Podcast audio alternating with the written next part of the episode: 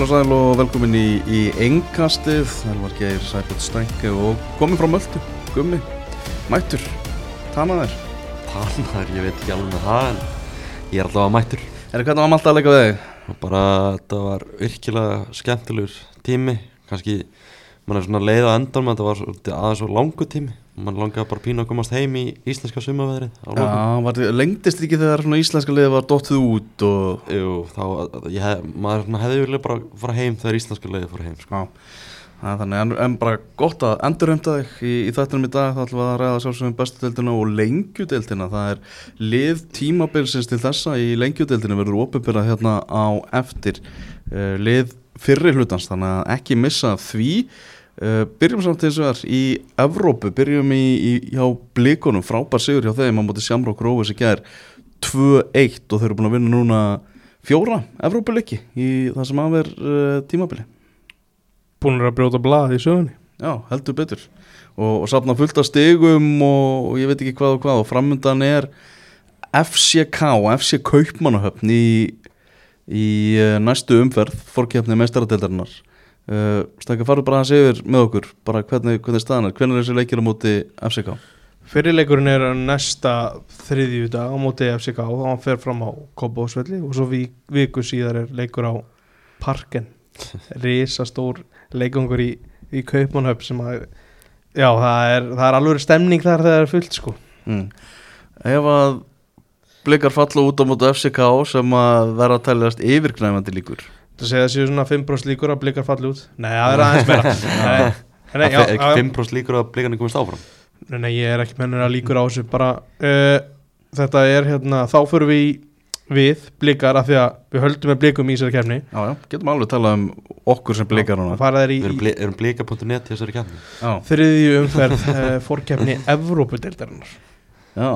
Þannig, Og þar, ef þeir vinna það einvi þá eru þeir öryggir með sæti í riðlakefni þannig að ef þið tapar því einvið þá fara þær í umspil um sæti í riðlakefni sambandsdeildar Já, ef þið vinna Európa-deildar einvið þá eru þeir örgir með að minnstakosti sæti í riðlakefni sambandsdeildar þannig að blikar eru bara komnir bísna nálegt riðlakefni Ég held að fólk sé kannski ekki alveg að gera þess að grein fyrir því bara, þú veist ef breyðarbleik kemst í riðlakefni sem eru bara ágýðist líkur á núna mm. hvað það mun breyta íslenskum fókballa bara til fram, frambúðar mm -hmm. var að leggjast aðeins yfir í gerð ég gæti ekki betur séð en ef að blikar vinna eitt af næstu þremur einvíum uh -huh. þá eru þeir að fá 2,2 miljónir evra. Já, og við vorum að tala mikið að tala um Hákon Arnar Haraldsson núna mm. fengu, fengu skafamenn 500 miljónir íslensk krona Já, ég er talað um þú veist 2,2 miljónir efra ofan á það sem þau eru komni með núna sko. Já, já. þetta er rosa Þannig að við, já, þetta er eitt uh, sellón á Hákonni Arnari undir í basically sko. Svona einföldun. Það er rosalegt að það er ekkert marga þjóðir sem eiga eftir að fara í riðlakjapni í Evrópu. En við erum eina, eina af þeim þjóðum. Það er fullt af litlum þjóðum sem hafa náða að gera þetta Já, og þú veist, við séum stútilanga frá Luxemburg og eitthvað, eitthvað fleira. Já, Líktenstein hefur líka komist. Líktenstein hefur líka komist. Sjámra Gróðes hefur komist. Sjámra Gróðes hefur komist. Þannig að, þú veist, það hefur margar þjóðir mörgum þjóðum hefur teikist þetta en það er bara, það er ótrúlegt ótrúlega gaman að sjá hvað gerist bara í svona fókbólta ef Breðablík tekst að gera þetta ah, En það er ekki ótrúlegt ef það tekst Nei, nei, það, veist, það, við, við, það er bara raunhæðu möguleik Já, já, það er sérstaklega núna með einkomið sambasteldarinnar þá er það var möguleganir batna til muna sko. Já, sambandsteldin, við tökum henni svo sjálfsögðu fagnandi. Besta keppnin. Besta keppnin. Þessir Evrópuleikir, við séum það all hjá blikum hinga til. Þeir eru í rosalugum gýr þegar þeir fara í þessa, þessa Evrópuleiki. Þeir eru bara allir orðin eins og Evróputóni þegar þeir stígin á völlin eru bara rétt stiltir og eitur svalir í þessum leikjum og þeir voru það svo sannlega í gerð Er ekki þetta panika yfir nefnum plutum og mjög faglegir. Þeir eru búin að prófa svolítið mikið í Evrópu, þeir, þeir eru búin að spila Hóskar talaðum í gæðir æfingarleiki og keppnisleiki í Evrópu keppnum 23 leiki á þremur árum. Mm. Þetta er mikil reynsla sem við sapnast upp. Þeir voru auðvitað mikið gagnindi fyrir nálgununa á móti Rosenborg 2020 í hérna á COVID árinu þess að það var bara eitt leikur. Þá fóruður svolítið all in í sín, sinni nálgun og og, og fá bara refsa hreinlega fyrir það. Mm. en þeir hafa heldur betur nýtt sér svona það hvað gekk upp, hvað þurft að bæta og þeir eru orðinir miklu massífari uh, Shamrock spilaði aldrei gegnum blikana í leik, bara í einvíun, aldrei. Nei. komast aldrei einn á einn á móti Antoni Ara. Vissulega var eitthvað tíman eitthvað klafsin og teig en þeir bara spiluðu sér aldrei gegnum hjarta eða svoleiðis. Og meðan að blikarnir gerðu það nokkur sinnum. Talsvert, talsvert oft. Já, svo daði með frábært mark fór illa hana með uh, varnamenn Shamrock Rovers og síndi það að hann, að, hann getur gert þetta víðar enn í, í bestu deildinni. Já, stóðsendinginu Oliver var samt alveg geðveik. Já, vildi að ég að svo meina. Þetta var, það var vissulega góður undirbúningur en, en marki var virkilega vel gert. Fyrir hann að íla með með López sem er landslismæður grænhöða ég er ekkert að segja þessi þú veist, frábær prófíl en þú veist það er það er reynslu bolti í varnalínu og hann lætur, lætur hann út fyrir að hafa ekki verið hann sko. já bara pakka, pakka hann saman og Jasson Daði megi hann bara spila sem mest það sem er eftir lifi leiktíðar og hann getur orðið bara algjör X-faktor fyrir það svona í þessari Evrópakjarni og svo má orðið komast Algjörlega, hann er, allt, hann er svolítið öðruvísi típa að því leiti hann lætur svolítið bara mikið vaða hann bara tekur menn á ef það hefnast þá er hann komin í þvílít góða stöðu sko. Já, þú, er, þú ert alveg tilbúin að að það mis, mistækist 5, 6, 7 sinum í leik sko. ef það hefnast einu sinni þá er hann komin í döðafæri sko. já, hann sagði í vittalinu á stöður sport þannig að eru ekki að fara að mæta FCK hann reynda laug þar sko. hann veit alveg á móti hverju Já, hann að var eitthvað glens í gangi þar. Höskuldur Gunnlaugsson, hann er komið með ansið mörg Evrópumörg já, er raðarinn. Hann er auðvitað markaðist hæri bakurinn sem eftir í kemna þetta var mjög flott mark sem hann skoraði ekki mjög flott mark. Það var lagalegt beint að einhver sæðinu já, Já, þetta er nokkrum myndur setna þá fær sem hann semra okkur víti, var, víti, hendi og Gregan Börgnar að minka munin en, en lengra komist en ekki og samanlega þrjú eitt sigur hjá blikum. Þú maður að heyra eitthvað í írska vinniðinu já ég, hann var að senda mér stanslust með að leikur og hann í gangi sko. og ég er alltaf að stríða hann ég er alltaf að kalla Shamrock og Shamrock það er vist bannað í Írlandi sko. en hann var, hann var bara svona, fyrst og fremst bara mjög pyrraður sérstaklega eftir að Shamrock minkaði munni í 2-1 að þeir voru ekki að gera neitt. Þeir voru bara að senda boltan fram og tilbaka og voru ekki að gera neitt. Þeir voru góðir sko fannst mér. Fyrstu fjóra minnir og þú veist í alvörinni voru að setja pressa á blikana en blikandi bara þraukuðu það út. Svo byrjaði setna áleikin svolítið stert líka. Mm -hmm. bara þess að milli voru blikandi bara þægilegir sko. Það var bara mjög þægilegt fyrir að Shamrock róveslið bara þvílitt ofmatt af liði. Já, já, við verðum samt að gefa blikunum það að þeir bara þeir eru yfirspilað á. Já, þú veist, þeir, þú spilir ekki betur en anstæðingur leifir þetta er alltaf, auðvitað er þetta tvíækja sverðskilur hvernig þú horfir á þetta. Ég vil gefa blikunum fullt við, kredit við sko. verðum auðvitað að gefa blikunum full kredit en veist, Shamrock Róves þetta er ekkert, mann líður ekki eins og þetta sé eitthvað þannig sé merkilegt lið. Nei, við, sjá, Nei. við sjáum leikmann í liðinu sem er bara klálega miklu betur en hinir í liðinu mm mm -hmm. strækjarið þeirra sem að var, að var alveg að valda Damir Múminovits alveg erfileikum en þú veist, þetta, þetta slapp alltaf til mm. Ískur fótbolli er bara í ræsinu núna sko. Já, Já, bara við sjáum það í öðrum úslitum hjá liðum, just, ískum liðum í Evropakefnum þetta er bara, þetta er bara hörmulega lélegt sko. Já, á sama tíma þá er vantarlega einhverjir írar að taka upp podcast hérna á Írlandi og tala um það hversu lélegt það er að tapa múti Íslandi. Pottet Þetta er bara breyðablikar að fara upp úr þessari rusl umspili neðst, já. neðstu liða Evrópu og, og, og þeir eru að tapa múti Við hefum sínt það bara samt tvö ár núna í röð breyðablik og vikingur Íslensk, þú veist, þessi tvö íslensku leið allavega eru bara alltaf góð til að vera í þessu umspili sko. Já, klálega. Já, en það er uh, það liðin tíð það, Ef að ræða að þetta víti samt eða? bara smá. Ok, uh, Þess- Það var hár boltinn og teig sko á vellinum fannst mér þetta að vera meira óvart en þetta lítur svo út í endur sig. Því að Oliver er eitthvað að setja hendin út bara eitthvað svona rand bara eitthvað aðeins og færa hann í hend þetta er ótrúlega skrítið aðri og svo er það bara reglan eiginlega nánast. Það er nánast regla ef að vardómari sendir einhver dóm, sendir dómaran að skoða það hvort það sé mögulegt viti þá er dæmt viti. Þú veist að mér fannst það endursýningu þá var ég bara, já, ég skil bara mjög vel að hann að dæmt því að Oliver var eitthvað að Það er mjög svona óhefilegt bara svona, það er svona ítrykkað þetta punkt minn, hvað ískur fótbolt er í miklu, mikil lagið núna akkurat þessari stundu. Mm. uh, það eru þrjú ískliði í sambastelni um, Dundalk spilaði mæti Brunos Magpies frá Gibraltar og gerði þar markalust jættefli uh, Derry City spilaði við HB Thossub frá Færi og gerði þar markalust jættefli og St. Patrick's Athletic frá Írlandi gerði að tapaði 2-1 á mæti Dútilang frá Luxemburg okkar menni í dútilangi Já. þeir eru alltaf þessir Þetta er 50-51 vín. Þetta er 50-50 einvið sko. Já.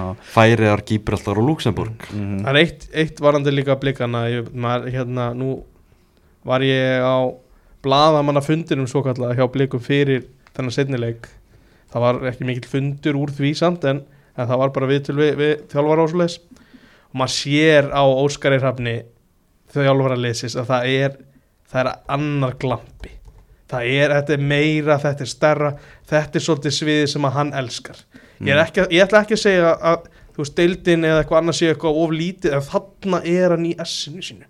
Hann er bara, hann elskar þetta svið. Já, já, og, það ég held, og leikmennir eru bara á sama stað sko. Já, já, hann talaði um það að þetta væri bara margra vikna jól já, þessar vikur þar sem eru að taka þátt í þessu æventýri Já, algjörlega. Þetta er, það er bara virkilega skemmtilegt að fylgjast með þessu bara svona, svona hlutlaus, svona aðdáðandi íslensk fótbolta. Alveg grillað við sem að fara í innvíi þar sem að fyrir leikurinn á Kópóksvelli og setni leikurinn á Parkan já það Ansi- steikt ólíkir leikungar Mm. Ég held að þessi ansi margir íslendingar líka að fara að skella sér í svona ferð, stutta ferð til Kaupmannafnar og nú þarf bara fullt af Íslandingum sem eru þarna sem eru að fara að mæta á, á Já, já, leiki. klára ég farið á Evropuleik á parken já, það er trillt dæmi Þú veist, ég held að samt að deildaleikur leikur hérna bara hefðbundi sé líka trillt dæmi Þú veist, það er bara ein hlið aftan, fyrir aftan annar marki sem að mætir klukktíma fyrir leik.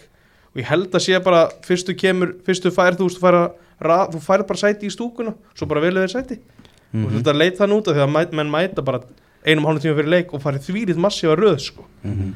og bara sungið endanust Já, og líka náttúrulega allar þessar Íslandstengingar við, við FCK og Íslandingarnir sem eru þar og, og þar á meðal náttúrulega sonur þjálfara breyðabliks Já, hann fljótur að senda hann skilaböð eftir leik í ger Það er alltaf stærst í þessu sko. Orðið Steinn er langast að leikmaður FC Kaupmannafnar og hann er að fara inn í tímabila sem hann verður líklega í stærra hlutverki. Þannig að hann geti klálega fengið sjensin í þessu einvi það verður gaman að sjá það. Algjörlega.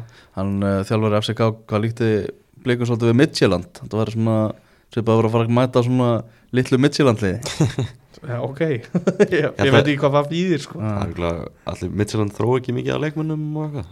Já, Jú, það er bara eins og bara öll liðin að gera í rauninni. Þú veist, Nordsjælland er svona mest í því að vera Já, þróa leikmenni, ekki? Nordsjælland er með, er svona skemmtilegasta projekti Já, Já, þarna talaðu um FCK, þau voru að, að selja Hákon Arnar Haraldsson og, og þú rætti við ekkert formann uh, IA og uh, stutt podcast þar sem þið, getur fundið þar sem að þú spurðir einfallega hvað hann ætlaði að gera við peningin sem að frúin í Hamburg var að gefa honum. Mhm. og bara stuttumáli, hvað ætlar ég að gera við hennar pening? Ég ætla að ebla þjálfun hjá, bara í hjá félagin al, bara alveg niður, niður flokkana. En nú er glukkin opinn og það er þetta að þú veist geta keft fullt af útlenskum leikmunum Já, þeir gerðu það ekki einhvern tíðan síðast að þeir fengu eitthvað pening og að menn Arnórs, eru, Ar, ek, Arnórs penningin menn eru ekki kátir hvernig það fór En svo hefur maður samt heyrt ég ætla að henda bara þessu fram að, að hérna það ef að liði fyrir upp þá er það er alveg hægt að hækka eins launagreislur en ég veit ekkert hvort að það tengist þessu en að það hlýtur að tengist í aðeins. Nú er náttúrulega félagskiptaglöggin líka bara sem nýja leikmenn getur fengið bara sama sömu laun og annars það Já, en, ekki eftir að fara bara til Barcelona skoða La Masia og allar að kópera það bara á skaganum Ég ætla að eitthvað nálgast það skilur bara aukin styrta þjálfun, huga þjálfun og alls konar svona hliðar, hliðar þjálfunir í þessu, þetta sem skipta máli sko. fer ekki eitthvað smá hluti kannski í nýja leikmenn núna í klukkanum það, í er í er í baráttu um að fara upp, upp úr leikindölinni sko. mm. Ég veit ekki, hva, já það geta alveg verið Maður, ég ekki að, en ég veit ekki hvernig þeir fá hennar penning, ég er ekkert þessum að þeir fá hann núna í glugganum en þeir geta nú gert þess og íslensk félag hafa svona, bara fengi, fengi peningin fyrir fram einhver staðar annar staðar frá og borga svo tilbaka. Mm. það var möguleiki. Uh, að lokum bara þetta er við breyðarbleik FCK möguleika breyðarbleiks danska deildin að byrja á næstu dögum. Möguleikarnir liggja alveg klárlega í þessum fyrirleik á Kópavöðsvelli það er bara gefið. Lítill völlur, gerfigras FCK ekki byrjað að spila í deildinni. Það er þarna eða, þarna eða aldrei þú veist, þú, ef þú tapar 2-0 heima þá er þetta gjössalega game over sko mm. bleikarnir unnu fram á föstudaginn í, be í bestu deildinni mm. framarnir reyndar löngum köplum á þeim leik bara alveg ríkalega lélegir og ég veit ekki hvað er gangi hjá fram sko. Já, þeir Máli Gunnarsson spáði bara hennilega falli í útastættunum og ég skil það, skil það vel en blikar halda sig ennþá á, á lífi í barátunni þar í, í bestudeldri heldur betur Það er að segja áttastig um uh, að verja, verja Íslandsmeistaratillinu Akkurat, áttastig upp í, upp í vikinga við gerum ráð fyrir að, eða gerum ráð fyrir það er eh, nánast hægt að setja staðfyrst við hann og þau mætast tvisar í viðbót þannig að það er mögulega hægt að gera það nánast. Já. 21 stigni, jú ekki alveg strax, en þau mætast tvisar í viðbót það eru 60 búið þar. Blikar er að fara langt í Það er að fara að spila á þryggjönda fresti núna. Leikaprogrammi verður mjög Já. þjætt Eigar ekki bara að setja fullan fókus á Európu Þeir gera það. Já. og alveg 100% Já, þeir opnaði eina skúfu í einu eins og Óskar segir. Já, ég hleyfti Óskar Óskar ekki mikið að tala um þetta IBF-ið því að ég vildi bara fókusa á hversu stórt þetta væri að klára þetta. Á fleikin IBF, já, leikinn sem er framöndan sko. Og hérna því að tala um glampa þá kannski byrði ég áhörundur viðtalsins afsökunar það var ekki hægt að sjá mikið glampa Óskari svona fyrstu fjóra minnar því að það einfallega sást ekki í Óskar. Ég veit ekki það Þú var, varst með einbindingun á öðru heldur en að það var eitthvað túli að það komið í blóðum Já, það er eitthvað þannig. Heyrðu, Þá skulum við bara vitt okkur í bestu deildina og förum á, á meistaravelli þar sem var nóg að frétta. KR vann FH 1-0 og uh, Þorsteinn Haugur Harðarsson var fréttamaður fótbolta.net á þessum leik. Já, eða þú veist bara fyrstu viðbröðu var þetta sangjart sigur hjá Káur alveg eins. Mér fannst káringarnir svona kannski íviðsterkari, áttu hættilegri færi. F-fangarnir voru líka fínir en ef uh, annarkosliðið átti að vinna leikinn þá var það líklega sangarnar að það eru káringar. Já, Úlfur Ágúst Björnsson klúðrar hann að víti á 78. mínútu vúk sem að krækir í, í þessa vítaspytu var það réttu dómur? Svo frá vellinum séð þá fannst mér það réttu dómur. Uh, ég er ekki alveg jafn samfarður eftir að voru á bestumörkinni í gær.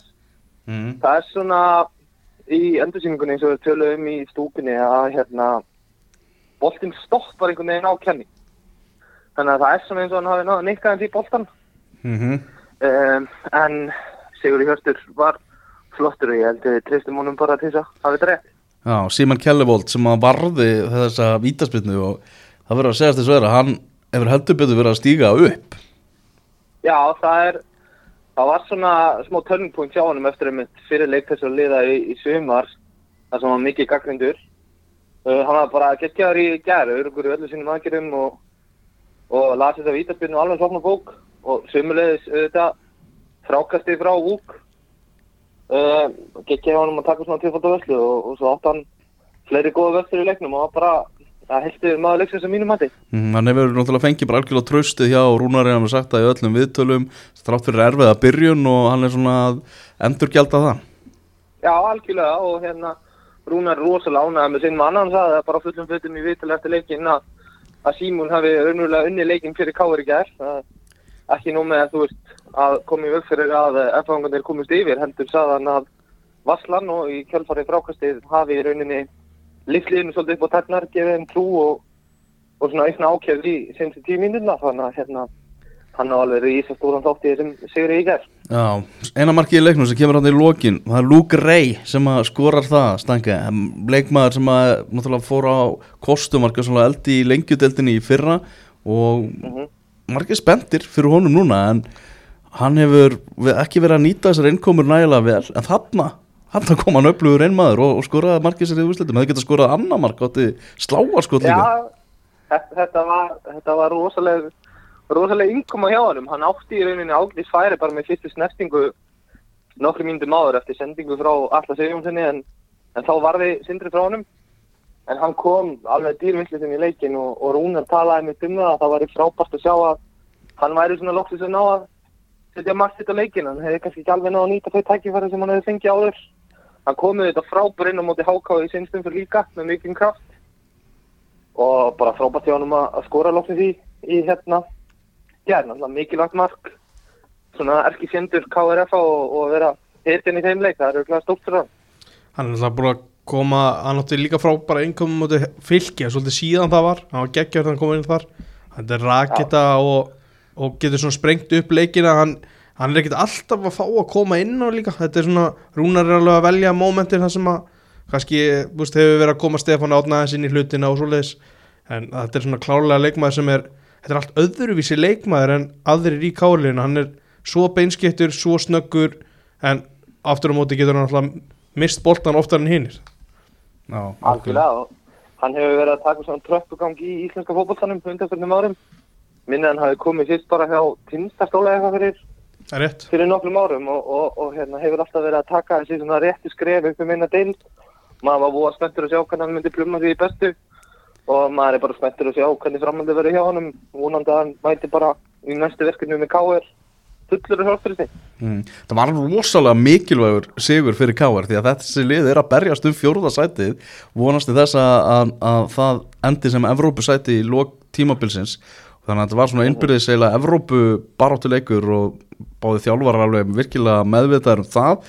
Heimi Guðvansson var hverki sjáanlegur hann eftir leikin veit ekki neinn viðtöl sagði það að hann hefði bara ekki fengið neinn bóðum það að hann ætti að mæta í viðtöl. Ég held að Heimi Guðjónsson sé nú búin að þjálfa það lengi í þessari deild að hann, að- hann, hann viti það að það eru viðtöl bara eftir alla leiki, sérstaklega þegar þú ert þjálfari FA og heitir Heimi Guðjónsson og ert að spila á móti KR Já, þetta var svolítið sérstætt og ég var ekki alveg að kaupa þessar skýringar í bestumöskunum í gæri að hann hafði bara hennilega ekki vitað að nætta mætin einn viðtöl. Hann, eins og þú segir, hann er, þetta er ekki fyrsti leikurinn hans Nei, og hérna, en, veist, eins og á punktu net þá kom Renni Ólafs bara í staðinn og, og, og svaraði fyrir þetta en, en þetta er svolítið sérstætt að, að heimil láti sér vanta. Mhm. Svo er náttúrulega leikmaður sem heitir Gretar Snær sem er búinn að semja við FH fer til FH eftir tímabilið eins og staðinu núna þar sem þeir eru náttúrulega bara í félag að skipta bannu og Rúna Kristinsson tala um það þetta væri vissulega erfið staða og sérstök því að þeir eru með leikmann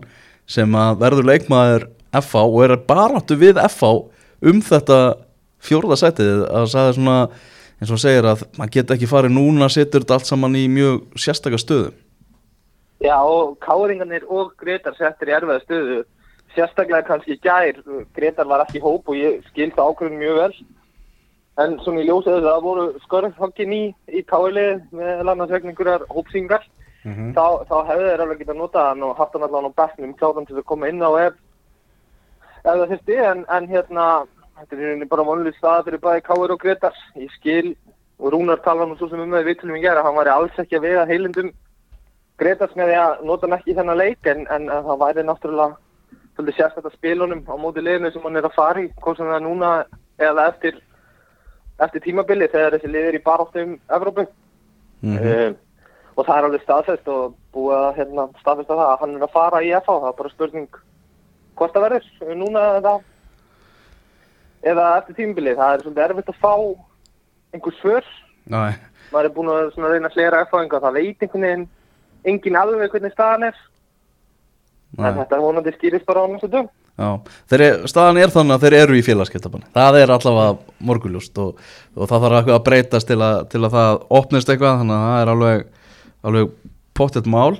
Uh, þessi tröllastig, þessi tröllasigur fyrir KR, sérstaklega kannski ljúfur í ljósi þess að þeir lendi í áfalli fyrir þennan leik, það vantaði fleiri en einn og fleiri en tvo hann í, í leikmannahópin hjá, hjá KR já, það var hérna eh, einhvers konar hópsíking eh, einhver, ég veit ekki hvort við getum kallað þetta núróveiru en allavega einhver einhver maður sem er búin að vera herri á liðið. Fyrst var það Jóði Bjarna og, og síðan bara rétt fyrir leik var Ólaf Öbjörn lasinn og Sigurður Greit, Sigurður Bjartur líka. Já, meðal annara og hérna káringarnir bröðar það ráða taka fram COVID-spritbrúsuna og, og reyna að koma í fyrir að menn væri ofan hver öðrum. já, Það er svo að gefa frí á æfingu á morgun til þess að reyna að stoppa smitleir. Kannski að fara að syngja út eitthvað smitrækningateimi þannig í Vesturbænum, ég veit það ekki. En, en, en þetta er allavega erfið stað að lendi. Já, og sérstaklega eru búin að, sko, að vera að fresta leikjum út að Jói Bjarnar er búin að vera erlendis svo er komið til landsins og þá lendar í einhverju svona hambúrgarafabriku dæmi þar sem að, þar sem að bara, hann, hann er fjárverandi í, í þessum leik og eftir því sem við heyrum þá er þetta mjög líklega sko súpa sem að var eldu fyrir liðið í aðdraðanda leiksins. Þeir mættu allir að, að fá sér súpu og, og þar hafi, hafi já, þetta smitt komið upp. Já, maður er búin að heyra því hvort sem það hafi verið eitthvað í súpunni eða, eða bara að menn hérna, einhver hafi verið veikur hérna í hópum sem var að borða súpu og það er kannski erfitt að, að fullera nokkuð um það en, en þetta hægilegt bara lendi í þessu og ég vona bara að káðringa vegna að, að þeir náðu fyrir endan á þessu núna því að, að þetta er ekki skemmtileg stað að vera í. Nei, nóga fréttum í kringum þennan leik og eina fréttunum líka náttúrulega Kjartan Henry átti að fá hérna viðurkenningaskjöld frá KR fyrir þennan leik en uh, ekkert varð af þeirri aðtöfn var ekki, já bara furðulegt að vera hann á staðnum þegar, þegar þetta fimpulfamp var í gangi Jú, þetta var, þetta var svona frekar komist aðeins. Ég satt við hliðin á vallafölunum á leiknum í gær og Palli Forma Knastmyndindar kom inn á inn í blagamannastúkuna og sagði hérna að það ætti að hefra kjartan henni fyrir velun störfi þá KR fyrir leik og var hann með einhvern svona heiðursplatta og, og áreitaði KR 2 og sömulegis var hann að A4-blað þar sem svona helstu afreg kjartans með káringum voru útlistuð. Svo bara fimm minútum fyrir leik, þá kemur Palla aftur, tekur blaðið af vallatölunum og segir við ætlum að sleppa þessu og svo lapar hann út. Og það mátti sjá svona á svipnum á hann að hann, hann var svona, það var eins og hann væri pínu pyrraðar og hérna, og síðan náttúrulega kom á daginn að, Kjartan Henry afsakaði þetta búið bara fyrir leik.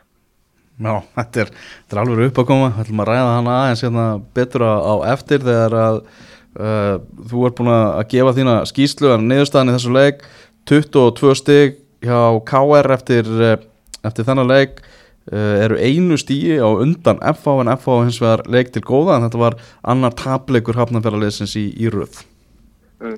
Þetta var, þetta var rosalega skemmtilegu leikur og mér fannst einhvern veginn eins og ég væri komin svona áratug aftur í tíman þegar þessi lið voru að berjast um titla. Heimir, heimir og rúnar að stýra liðanum rauða ljónið að skemmta mannskapnum og, og 1500 manns í stúkunni fljúandi tækningar út um allan öll og, og hitti og, og gaman. Já lukkutýrið var mætt aftur. Þetta er nýr búningur sá ég, þetta var ekki sami gamli uh, ljónabúningurinn Nei, þetta var svona, hann er búin að fá sömu yfirhaldingu og bónus síni og hérna tók sér bara vel út. Já, var glæsilegur, já, þarna ef þessi leikur hefði endað 0-0 þá hefði þú bara farið samt sáttur að, að velli eftir, eftir góða skemmtun. Já, já, bara þú veist uh, svona leikir eru ógeðslega skemmtilegir. Það er hitti, þú veist miðjan var í stuði í stúkunni, F-fáðingar brjálaði sín megin uh, vildi fá viti og, og fleira þannig að hérna, það var ekkert þetta kvarta. Ég hef alveg ég hef ekkert séð eftir þessum klukkutímum sem fór í leikin þótt hann að venda 0-0 Já, mikið stuð. Þorsteinn, bara takk hjá alla fyrir þessa skýslu múr vestubænum Takk fyrir mig, Heyrumst, bye bye bye, ó. Heyrðu þarna, við förum aðeins í þetta meira, þetta, þetta kjartansmál. Ég veit að þú ert með sterkar skoðanir, Stengi, á þessu. Já, uh, ég hlustaði og horfði á, á stúkuna eftir þátt og ég ætla aðeins að byrja þar bara af því að þar fer Lári Sorri og talar um að koma upp úr einhverjum ákveðum sandkassa og, og slíkt varandi Kjartan Henry að bara ta ta taka ekki við þessu. En af hverju á Kjartan Henry að taka við þessu á þessum tíumúti á hann bara að segja að þetta hafi bara verið allt í lægi það sem gerðist síðasta haust? Já, hann talaði um að þetta hefur verið pér stönd hjá, Já. hjá KR sem þetta er. Þú veist, þú er bara, það er verið að þakka þið fyrir eitthvað, veist, bara takk fyrir allt hjá okkur en hann var, hann var hend út úr félaginu sko. Já, sárin er ekki grói en það er morguljóst já, og eins og hann segir hann býr hann, ef það, ef það átt að vinna eitthvað í þessu, akkur er það ekki búið að gera að, veist, bara haft samband við hann? Við ætlum að gera þetta svona og þá verður ekki þetta verður ekki þessi þvæla upp bara á staðnum. Ég- Það er það sem ég set alveg stóra spurningamörku við, við þeim Það er að þetta er gert bara, þú veist, hún er með tilkynnt þetta bara mínútu áður en það á að gera þetta. Kemur inn úr uppbytinu og er farin í klefa bara síðustu að ræða hann eða hvað það er skilur Já, með einbyttinguna á þessum leik Já. og þá er allt er náttúrulega að draga, draga hann í, í þetta.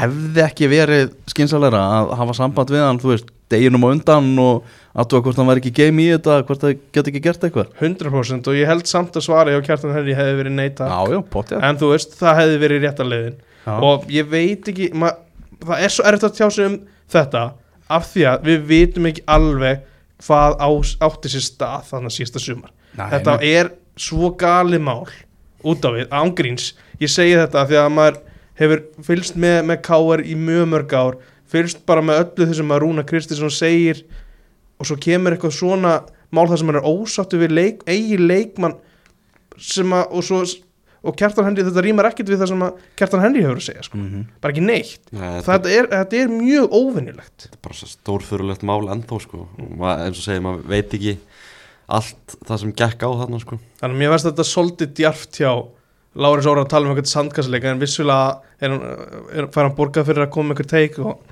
ég held að hann hafi ekki hitt naglan á höfuð hann Já, ég skil kjartan vel í þessu máli.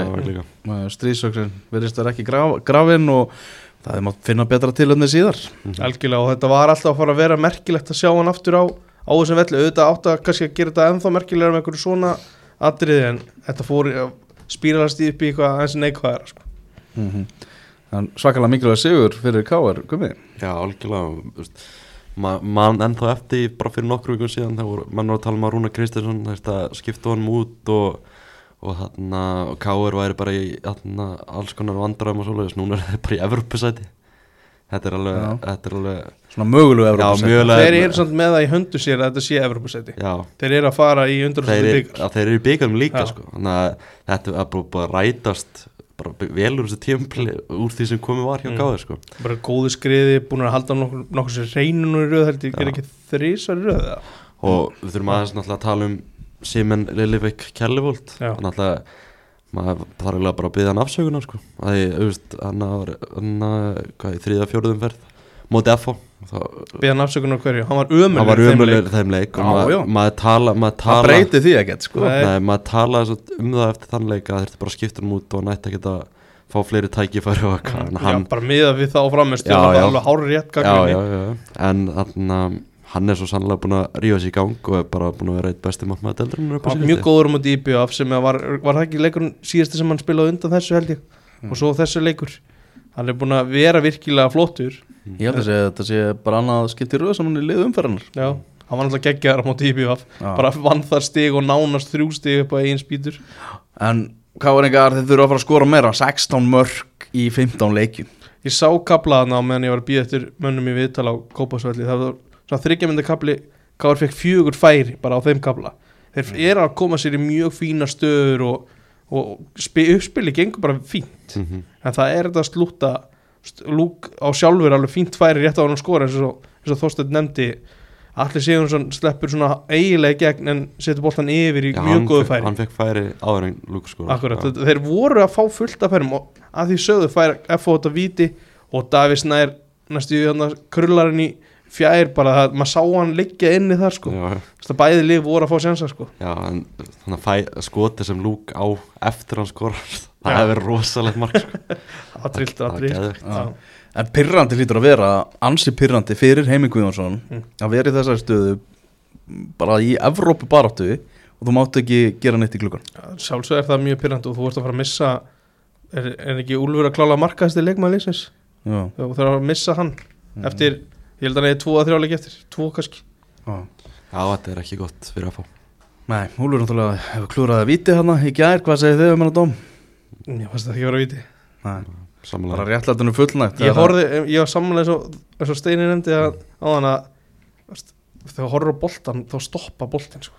Já, þá kannski ferðu í löppin á vúk og í boltan en það er eiginlega einhvern veginn líklega finnst mér að þetta sé bara fót, fór fóturinn á kenni sem stoppi boltan sko. mm.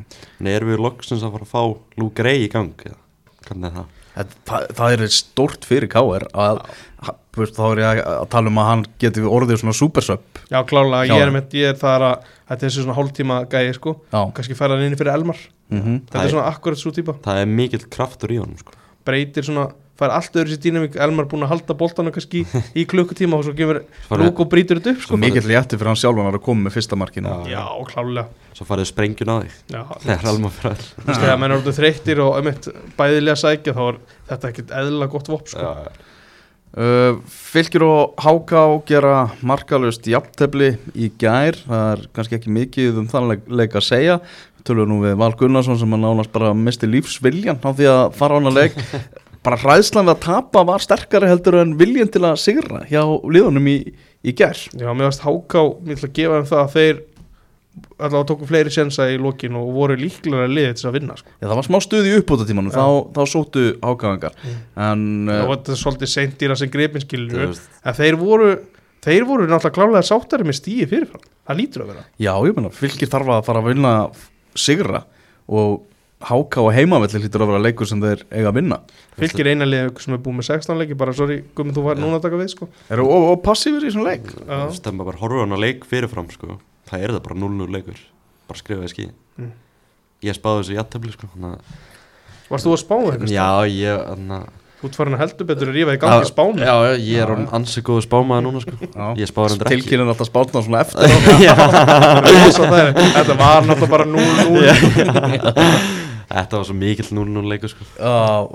Henry Birgir lísti þessu leik og þegar hann var flauta af þá sagði hann þetta er bara besta við þennan leik að hann Já. sé búinn. Já, akkurat. Það var vakti smá aðtekli auðvitað að Gilli fór beintir liði hjá fylki. Já, Sveit Gísli á láni frá, frá Víkingum. Vinstri hafsend í leiknum. Mm. Var það ekki, var, var ekki rétt með þetta? Ég held það alveg örgulega Mm. frekar en bakurir þannig að það var, var greinlega vöndun beint í liði þetta er svona, hvað ertu að ná þrem, fjórum æfingum, að þrem kannski bara. Já hann er alltaf ekki tekið margar æfingar. En það sem er háká þannig að tölum alltaf um það um daginn að þú veist, ef þú tekur þess að tvo blika sigra þá eru þau bara þú gerir það núna, þá eru þau í fallseti sko. Já, en þú tekur það bara ekki aðeins nei, nei, það er það verður ekki tekið já, þeir spila líka mútið breyðabliki eins og, eins og það það virkar við stannið þessi deild. Já, hún, Þetta er, er skemmtilega hvað þetta er, hvað þetta er þjættu pakki hana svona fyrir neðan, neðan miðju frá sjötta niður í, niður í allafsæti já, langt séðan að fylgismenn hafa unni leik og það þarf eitthvað að fara að breytast þarna í, í árbanum það eru hann hlið við hlið fylgir og, og fram.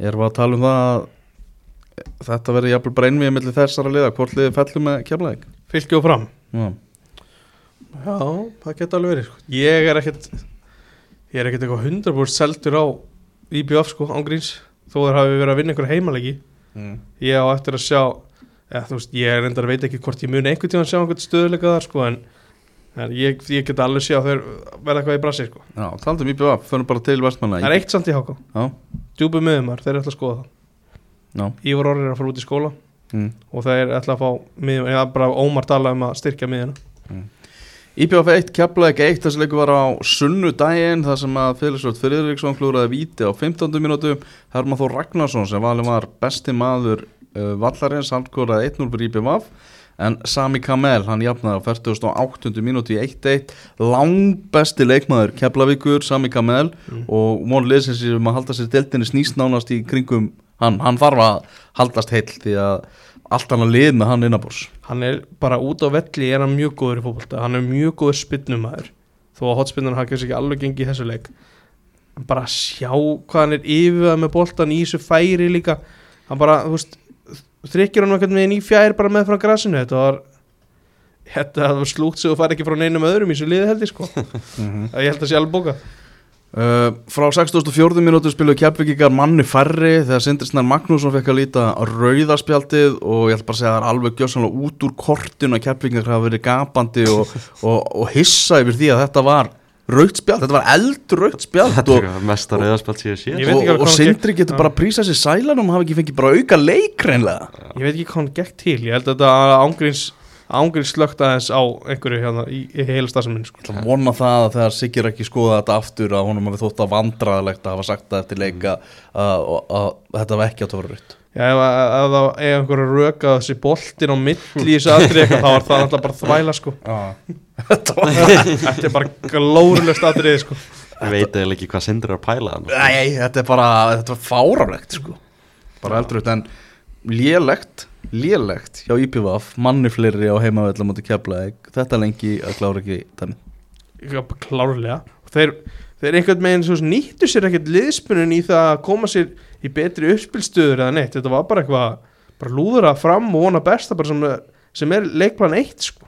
Mm. þeir fóru ekkert eitthvað nær og komast, komast í góða fyrirgjafstöður eða neitt svoleiðis, fannst mér sko. þessi tvei leiki sem við fjallum núna veist, fylgir háká og IPVF keflaðeg ekki fallegi fótbollaleikir maður. Nei, það vantaði alveg mikið upp á það sko. þannig var svolítið kappið að bera fegur en ofurliði sko. Alveg heldur betur nefnilega sko.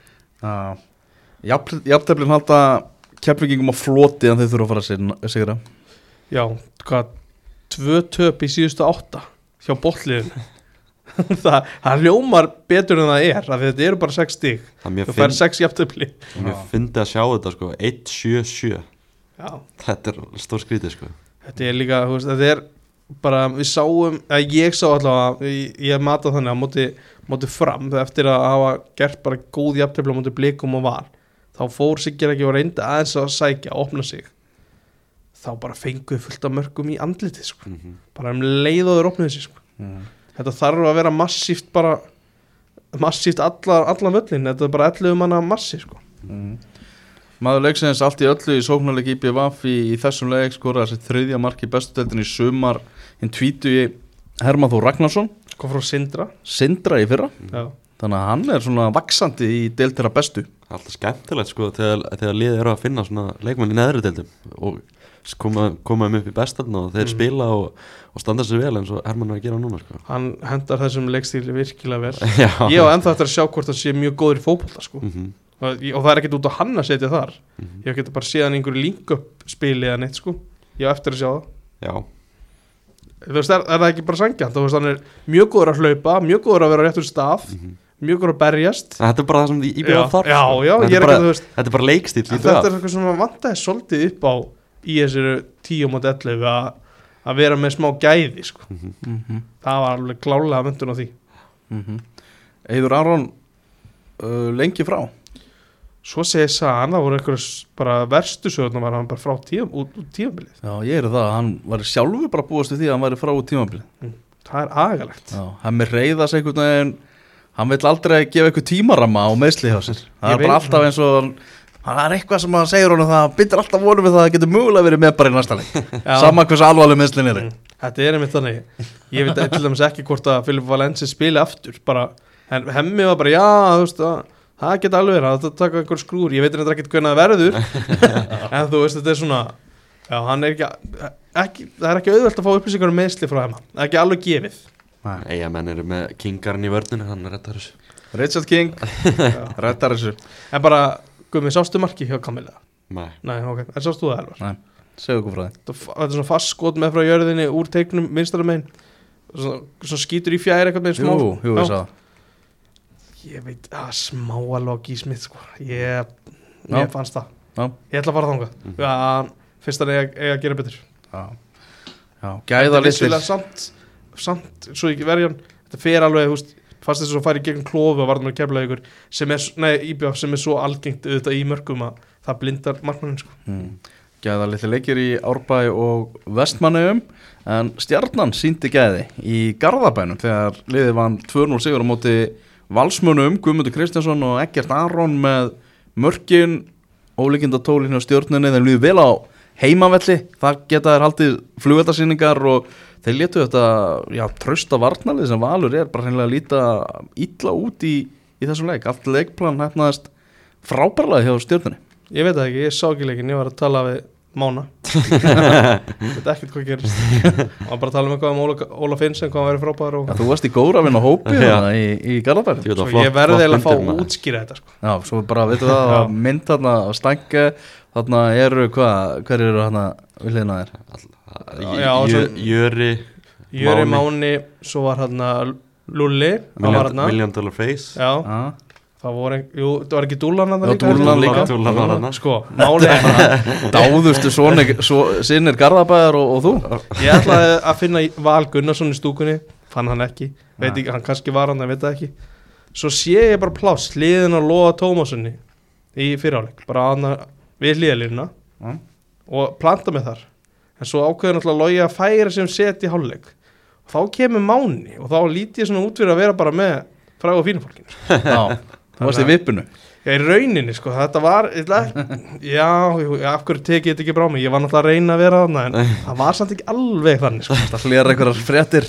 Jöri var eitthvað að reyna að ljúga að Mána Stjarnan þetta að taka inn þrjá Og Máni var pyrraður það, ég var gaman að þessu, sko. Það ætla að vera yðurnir í glugganum. Já, já, þú veist, að þú veist, Stjarnan var Ég kom hann eftir kortir, þannig ég veit ekki alveg hvernig byrjun var En bara á það sem ég sá í, í fyriráleik var Út á velli Stjarnan klárlega betra lið Meiri barátt á þar og, og yfir í spilinu. En að því sögðu Þá fá valsmenn einhver 2-3 færi inn og teig bara fyrirgjafir sem bara hreinlega skalla bara yfir og framhjá. Mm. bara Pedersen ég held að hann hafi verið í allavega tveimur sem færum. Bara þetta eru færi sem ef hann skorað þá er leikurinn allt öðruvísi. Já, á móti, móti skora Sindri Sindri Ingimars með, með skotið sem fer í hlinfrey og í hotnið bara þú veist lukku mark en, en stjarnan átti það skili sko. Mm, það er náttúrulega að telja bara alla í stjórnuleginu þeir áttu allir góðan leik allt frá átna sem var frábær í, í markinu og til manna í sóknarlinni Já, ég eftir leik samt, ég hugsaði að ég svo, svo heyrði í stúkunni þegar Lara og Sori talaði um Hilmar Átna hann hafði átt sinn, einn sinn besta leik. Ég þurfti að hugsa, já Hilmar Átna var inn á. Og ég er, þú veist það, ég, af því að hann var bara lítið í boltanum ah. þetta var svo mikið Eggert Aron, Guðmundur Baldvin Adolf og Emil. Hilmar var bara svona í kringu þá auðvitað, veist, hann hlýtur að hafa verið mjög góður af því að ef hann var lélur þá er ótrúld að tíu, tíu góður stjórnum hafa unnið þetta. En ég bara tók lítið eftir hann mm. Ekkert Aron, maður leiksins með sjálfstörstuði í botni eftir EM U19, þú varst náttúrulega að fylgjast með honum þar í, í návíi og bara í stúkunni, spjallaði við hann eftir leikina og, og, og allt það. Þetta er bara, vá hann er, hann er á flugi. Maður sáða bara hann út á möldu sko þetta er þetta er eitt mesta talent bara sem við Íslandingar eigum í augnablikinu og maður bara hefur tekið hann með bara sem sjálfsögum hlut síðust ára hann er búin að spila svo mikið í stjórnum hann er ennþá veist, á, hann er ennþá það ungur hann var að spila, var að spila með U19-landsliðinu á möldu sko. Þetta er skemmtilegsta leikmann í deildinni. Þetta er skemmtilegast Þetta er ángrist Núna þegar Ísak Andri er farinn Já, þú veist, mér, mér fannst hann skemmtilegri heldur en Ísak. Mhm. bara það er eitthvað, eitthvað við hann hvernig hann er brosandinn á vettinum eitthvað vappandi umhaldstar alltaf mættur tilbúin að botið tjekka en hægri vinstri. Og þá er maður alveg saman móta hvernig maður er að spila sko. þetta, er, þetta er geggjuð típa sko. og mikið, þú veist, hann út á möldu og mikið tala um hann, bara veist, ekki, ekki Íslendingar sko bara það eru fjölmjölamenn hann frá löndum út um allan heim og það er alltaf bara Guðmundsson, Guðmundsson mm. það er bara eins og hann, þú veist, væri orðin aðalmaðurinn í íslenska landsliðinu sko. hann er búin að meika það á möldu hann er búin að meika það á möldu hann sko bara svífur um völlin líka hann er alltaf einhvern veginn mættur það sem að allt er að gerast þetta er, það er bara unast að horfa á hann ég sá hann að vídeo líka á, á Twitter þar sem hann var að mæta okkur að 5. eða 7. flokks æfingu ykkur staðar. Já, hann er bara, að það já, bara eins og sé Messi sko. Já, það er bara geggjaður gæði sko. Já, var einmitt kallað úr stúkunni, það var tjantað Messi, Messi. Þeir eru bara- þeir eru búin að koma því í gegn liðsfélagar hans í stjórnum hann sem kallaði litlu Messi. Ja, ég, ég dýrka hann að gæða og, og bara þessi, þetta er frábær típa sko. En, þú veist, og hann elskar að vera í stjórninni. Já. svo hann er ekkit, hann er ekkit bara grínast með, með það að, eitthvað, að það þurfi að koma eitthvað merkilegt. Hann gjössalega dýrkar að bara vera að það sko. eins og nefndi líka stengið hann er bara með svo góða orku líka. Bara Já. að tala við hann eftir leik, hann er alltaf brosandi. Það er eiginlega, er pínu erfitt að tala við hann af því að hann, hann finnst allt bara geggjað. Já, það er svolítið hann er kannski eitt líka bara hann sé að spila í hægri bakverði. Ég er ekki að fíla það. Að veist bara veist, að, að spil, að nokkur, nokkur sem er búin að leysa það í sumar hann kom, tók síðustu 20 í hæri já, bara ég kom með nóga því Já, þetta var, kom pínu óvart en ég held í alvörinni að honum hafi bara verið treyst betur en öðrum til þess að græja það að tryggur fengi ykkur, Já, ykkur færi sko. hann er bara vera að spila út á, út á kanti eða bara sem fremstur á miður hann á bara vera á miðinni bara á miðinni, mér finnst hann bestur út á kanti út á möldu sko. já það getur verið en Check, checka inn. Það var, er, kom hérna bara svo ég nefni það hér. Mm það var rætt viðtalið þitt við Robert Frosta. Máni kom aðeins inn á það þegar hann var að tala um Eggert. Um. Eggert hafi fengið símtal frá mömmu sinni út af þessu viðtali. Það var þú að sína strákunum?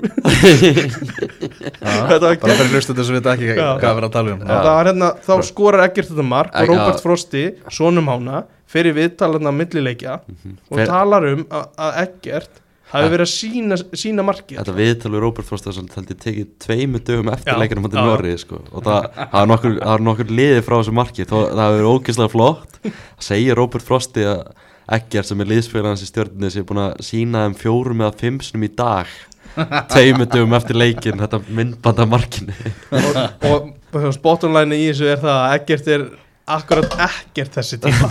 Hann var ekki að sína strákunum neitt og, mam, og þetta kom mömman svo mikið á óvart að hún ringdi í hann og spurði varst að sína strákunum eitthvað svona mánu, þetta var mjög fyndið það að mánu verið að segja þetta. Já, fengum frábár útgáfun af stjórnuleginu í þessum leik en svona, við þurfum að sjá þessa útgáfu svolítið oftar þurfum að sína meiri, meiri stöðuleika í sínum leik. Að klára mig langar að gefa sjátt þetta á hérna, Gumma Kristjánsísleik Já. hann var ekkert eðlilega góður Hægri bakverðurinn Það var massífur á mótið þeim á kantinum og, og þegar hann að koma óvel þá bara græja hann það þetta var, þetta var alvöru hægri bakverðar framistæði hjá, hjá gamla miðjumanninum sko. mm bara geggjaður og fór að velli örglega, ég myndi halda að hann hafa bara verið þreyttur þó hann sé í toppstandi þá það var mikið að gera hjá hann sko. -hmm. uh, Gleði í, já, já garbaðingum en mikil vonbreiði fyrir valsmenn sem að eru náttúrulega elda vikinga og ætlu að saksa þarna á fóskot þeirra í þessum leik en mér fannst reynilega bara að ég sjá aðeins glitta í valsliðin svo var stóra hluta tímabilsins í fyrra og það er ekki, ekki jákvætt. Var svona, fannst þeir eru oft daufir bara? Það kom mér mest eila óvart þegar ég sá skýrsluna eftir leik að þeir voru með 2,9 xg uh. ég hugsa hvar fengur þetta allt út? Ég var að skoða þetta sko, það er allt eftir hotspin þannig að setja í leiknum Já, það var aðrið sem átninsnær gerir mjög vel í að bara bjarga. Verð tvisvar Já, sko það þeir fóð tvö færi þar. Já, bara tvö færi og það eru bæði 0,7 Já, það er þetta telur mjög mikið. En ég ætlaði einmitt að nefna það aðrið að það var mjög mikilvægt í átna að klára það því að annars hefur lokamyndu verið mjög erfiðar. Að þú, að þú veist að tala um val spílamennskuna ég veit ekki alveg þú veist, þetta er náttúrulega blanda því að stjarnan átti mjög góðan leik en það vantaði bara smá svona tempo í, í valsarana vantaði, vantaði edgi að vinna návi sem það þurfti að vinna. Þetta bara gekk ekki alveg þú veist, þetta var ekki alveg eins smurt og kannski þeir byggustu við sko. Veist, maður pælir kannski með stjórnuna að þetta. Unni ítan mót hafi kannski bara hjálpað þeim sko. Sem það gerir pottjætt Já, líka bara leikminu sem fór út Bara- fann að bara þjappa sér enda meira saman. meira sjálfströst í sem gæðum sko. alveg lárt mál. Bara skrítið taktur í þessu móti fyrir valsmenn sem að kvörtuði við því fyrst að væri ómikið leikjálag Mhm. og hvarta núna yfir í að það sé of langt á millilegir já, það vantar hennar milliveg. Já, þeir eru ekki að fá hann. Nei, þeir eru ekki að fá hennar milliveg. Nei, Hvernig líst ykkur á bara stöðuna, hvernig töfluna í eins og nefnuna? um, bara ágætlega þetta var, Það móti ekki bara búið það, vikingar tillbaráttan. er í mjög góðri stöðu.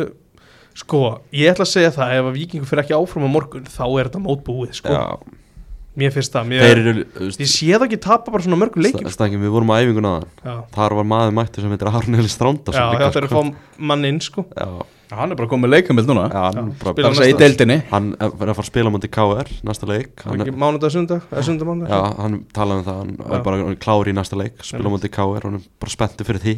Ég held að sjá mann í byrjunlegin ég held að það ég held að sé mér líklegt að hann byrja þann leik sko. En mér langar aðeins að fara í einstakka framistur hjá Val Elvar áður og fer í, tókuna Ég er búinn að sjá nokkra leiki þar sem að Adam Ægir næri ekki alveg að delivera. Mm. Þetta var einn af þeim og hann var bara mjög vondur út á vellinum. Ég verð bara að segja þú veist að því að hann hefur átt mjög góða framistur Já, frábært Þetta- tímabil. Þetta var, ég veit ekki, þegar hann næri ekki einhvern með sínu mótjói þá lítur hann ekkert frábært út sko. Nei, og þeir sakna Guðmundar andra alveg klárlega. Þetta er bara annarkort eða. Þetta er svolítið þannig. Það er svo villótt verða í þessu gummi Það þá er þetta annarkort eða. annarkort Svo veist, Tryggvi Hrapp var heldur ekki frábær Nei, En hann, þú veist, það var eitthvað sjátatna um víti í byrjun. Ég, var bara, ég reynilega sá það ekki, ég var ekki mættur. Mhm. en, en bara Það var, já, líka reyndar Það er eitt atrið í þessu leik sem að verður að nefna. Mhm. Birki Már Sæfarsson fær hra, svona hraða upplaup í fyriráleik held að sé í stöðinu 0-0 og hann bara gaf ekki í gegn á Tryggva. Ég, ég veit ekki hvað gerðist. Að hann bara strauði upp hægra megin og Tryggvi er úti vinstra megin. Og Tryggvi er hraðar en allir gæðan alveg eins og Birkir skilur er bara hraðar en þessi gæðar gefðu á Tryggvi hann er vantarlega betri í þessari stöðu en þú. Þetta, ég, þetta var svo út úr karakter einhvern megin með hvernig vals, valsmenn hafi verið direkt og öflugir í því sko. mm þetta var mjög skrítið aðri Aron Jó bara flottur en þú veist það var mikið lokað á hann og kitta í þessu leik og stjórnumenn fá rósverð það. Mhm. Staðan í uh, toppartunum vikingum með 38 stig, Valur með 32 og Breiðablik 30 og nú erum við komið að það að öll þessi lið eru búin að spila jafnmarga leiki, 15 leiki. Já, það, við erum komin þangað. Og vikingar er í toppmálum Vikingar í toppmálum, þeir unnu í þessari 15. umferð unnu 4-0 sigur á móti Káa en sáleikur var þetta að spila þeir í mæ Já, en Byrninsna Ringason var frábæri þeimleik og hann er eh, sterkasti leikmaður umferðarinnar í bóði steipustöðvarinnar vel gert að muna eftir þessu. Stálminni. Ég rætti við hann um hennar leik á hann Nei, ég tók við til hann á hann Já, Byrninsna er í fymta sinn í sumar í sterkasta liðinu, í úrvalsliðinu. Það er eitthvað skrítið samt við að K er í Fyrir að fara að skora. Já. En við nefndum ekkert Ísak Andra Elvar, ætlum við ekki að verðum við ekki að taka það þessi Jú, ég ætla að klára s- lið Já, ok, umferðarnar sorry. Uh, Byrninsnaður, Hermann Þór Ragnarsson og Ágúst Eðvald eru fremstu menn Ágúst Lins náttúrulega með þetta segur markamóti fram. Ekkert Aron í þriðasinn í liðu umferðina Ragnar Bræi er hérna djúpur á miðju og Matti Villa setum hann á miðjuna einnig. Lógi Tómasson, Viktor Öll Margesson, Daniel Lagstall og Gumi Kristjáns eru í varnarlínunni og Símen Kellevold er í markinu. Og einhverju markmenn svektir því að eh, já, Ólafur Kristófer til dæmis í Árbanum átti frábæran leik og, og fleiri markverðið sem voru upplýður í, í þessari umferð. Rósunnun var flottur í, í eigum Já, hann var virkilega flottuð þar. Uh, Þjálfari umfærinar er, er Arnar Gunnlaugsson. En Ísak Andri Hann er farinn. Já. Búinn að skrifa undir í Norrköping Búið að kynna hann. Mm Farin úr deildinni. Já. Það var eh, skemmtilegt kynningamöfand hjá Norrköping Mjög skemmtilegt. í, í, Það sem Íslandíkar verða góðsagnir Það er bara þannig staðan hann Já, Arnór, Arnór Sigursson er hann ekki nýjasta dæmið? Og svo sem Ísak Bergmann og Arnór Yngvi skoraði tvö mörg í síðasta leik hann er að- hann er á leiðinni. Hann er, var ekki orðið það. hann er orðin hann, það er klart Já, hann var hann áður líka. Já, hann er ekki að láta að lesa texta upp Já, og já, svona. það var það var bara gæsaður stöf sko. Gekkjadri, já, svo er Andri Lukasson og Ari Freyr og það var svo margi verið hann Ísl, Íslandíkar í, í gamla daga líka sko. Já, já. Já, Ég Meina, þeir munu fleiri fara að detta trjánum hjá stjórninu og, og yfirgefa þetta á næstum vikum og mánuðum sko. ekkert Ég- Aron lítur á næstur út sko. Já, já Já, ég veit ekki alveg hversu geðveikt næsta félag þarf að vera til þess að hann fari þangað en þú veist, það er alveg klárt að það hefur að horfa á hann hann gæja sko Ís, það, hlý, það hlýtur að berast bara stórt tilbúð í ekkert í þessu mánu Ég er bara, ég ætla bara að það muni gerast það mun gerast Hvernig mun stjórninu vegna að fylla skarð Ísaks? Þeir spiluðu með Adolf út í vinstra megin í, mér finnst það bara að leysa, leysa það vel. Uh, Hilmar Átni er líka option út í vinstra megin. Þannig að það er eina sem að, það er að vera smá tilfæslur bara. Og Jóhann Átni kemur inn í lið ég veit ekki hvort að spila leikinu undir hann er að spila vel í þessum leik. Þannig að það bara kemur maður inn sem að sem að þú veist, ég er ekki að segja að þeir fytti skarðið af því að þeir breyta bara aðeins um áherslu, það er ekki alltaf bara alltaf leita út til vinstri það sem að Ísak á að vinna einn og einn sko. það er ekki alveg, þeir bara finna fleiri leiðir sem er bara geggjað. Mm, kannski erfiðara fyrir uh, þjálfara mótir en að, að stoppa það? heldur betur, við mér, eða, mér finnst við að síða toppliðin ná að stoppa þá með því að bara loka á Ísak. Já, það var ekki hægt í þessu leik og það var miklu erfið og það er annað, önnur viti í þessu. Við sjáum það núna. Við sáum það í fyrra hversu mikilvægt það er að vera með Emil Atlasson í þessu liði. Þetta er bara allt annað dæmi þegar þú ert ekki með nýju sem er að djöblast og heldur í bolta vinnur aukaspinnur og, og hafsendinnar eru í vandræðum en því að Emil var að láta Hólmar sérstaklega finna fyrir því alla leikin en það bara munar um þetta. Mm -hmm. og Rósa og Emil bara hann er bara í toppstandi sko. mm veist, eftir þessi meðsli, bara geggjað. Bara frábært að fá hann aftur, já, fulla ferð. Aftur eru sögurnar samt um að sem að við vorum reynda búin að heyra fyrir í suma Halli Björns spilar ekkert. Já, kemur er, bara ekki tilbaka já, það er ennþá í, í gangi. Átni Snær frábæri í þessum leik. Uh, Á sunnudaginn þá eru þrý leikir í deildinni, það eru tveir leikir á mánudaginn en það er búið að færa leik blika og IPVF á föstudag. Það er sen, sennilega verið að ósk breyðabliks því að Já. þeir vilja spila þriðudag, fyrsta sig Já, breyðablik IPVF er klukkan átján á föstudaginn á Kópavósvelli bara frábært, Já. er það bara ekki ágætt fyrir okkur líka sem svona fréttamenn eða? Jú, ég er bara að fagna því. Er þetta ekki, líka betur mætt á fyrstu degi heldur en lögði Jú, ég myndi að halda það. Jú, bara lögadagar eru erfiðir. Leikdagar á Íslandi, sérstaklega yfir hásumarið að við fögnum þessari breytingu og, og IBF fær hann að fymta, ámyndli sinna leikið þannig að það ætti ekki að vera neitt vissan mm Áfram höldum við í engkastinu og við ætlum að fara í lengjudeldina Já, það er tíðindi þar. Og voru að berast tíðindi úr lengjudeldinni Komið með tíðindin úr lengjudeldinni Gunnar Eðar Þorvaldsson, nýr þjálfari Njarðvíkur, gerir samning út tímabilið. Já, Gunnar Heiðar sem að stýrði vestra markarókurinn mikli úr vestmanniðum hann er mættur aftur í lengjudeldina og tekið með njarðvíkingum sem er í fallseti Tekum við á Arnari Hallsinni Já, sem að neitaði fótbollsbútið um viðtal í ger Já, komið þú allar að reyna að fá viðbröð frá Arnar í ger, það tókst ekki. Nei því miður. Maður reyndi hann. Hann var ekki tilbúin að veita viðtal og hann, hann vildi heldur ekki veita viðtal í, í framtíðinu, hann var eitthvað ósattur Já, hann vildi ekki, ekki veita okkur viðtöl hann vildi ekki veita okkur við til Hann er með fótbata.net greinlega í ykkur fjölmjölabanni Já, Þannig að ef þið eruð að hlusta og eru frá öðrum fjölmjölu og verið heyra jarnari þá bara hvetið ykkur til að gera það Já, við höfum ekkert á móti því að þið gerir það. Við höfum alveg spennta, spenntir að heyra hvað, hvað, hvað hann hefur að segja. Já, Já, náttúrulega mikla vendingar sem voru gerðar til Arnars Hallssonar þegar hann er ráðinn og hans hugmyndafræði og, og allt það, njárvikingar voru algjörlega seldir en stegasöfnin alls ekki verið eftir vendingum og eftir þetta tap á móti ægismönnum í Þorláksöfn á sunnudaginn var kom tilkynning á miðnætti, var greinlega búið að funda þarna í einhver reikmættu bakarbyggi og, og Arnar Hallsson látið fara. Já, þetta var lausnin, eða voru niðurstaðan hjá þeim að, að það þyrfti að gera breytingar og ég gæti alveg séð það fyrir mér, fyrir þennan leikamöndu ægja það er þið bara í raun leikur þessum starfið verið undir sko. mhm. En ég veit ekki alveg nákvæmlega hvort það, það var staðan en, en mér grunna það. Arnar og Gunnar hefðar mjög ólíkir menn og ólíkir þjálfarar. Heldur betur að það er, það svona veginn aðeins léttar yfir Gunnar eða Já, er svona, veist, það voru hann einhverja fregnur um það í gerðkvöldi að Þóruldur Dan var að fara að taka við þessu Mm. Þó- þó Þóruldur Dan sé svona, hann er þú veist, alveg hress karakter og svona hann er kannski svona strangur þjálfari Nei.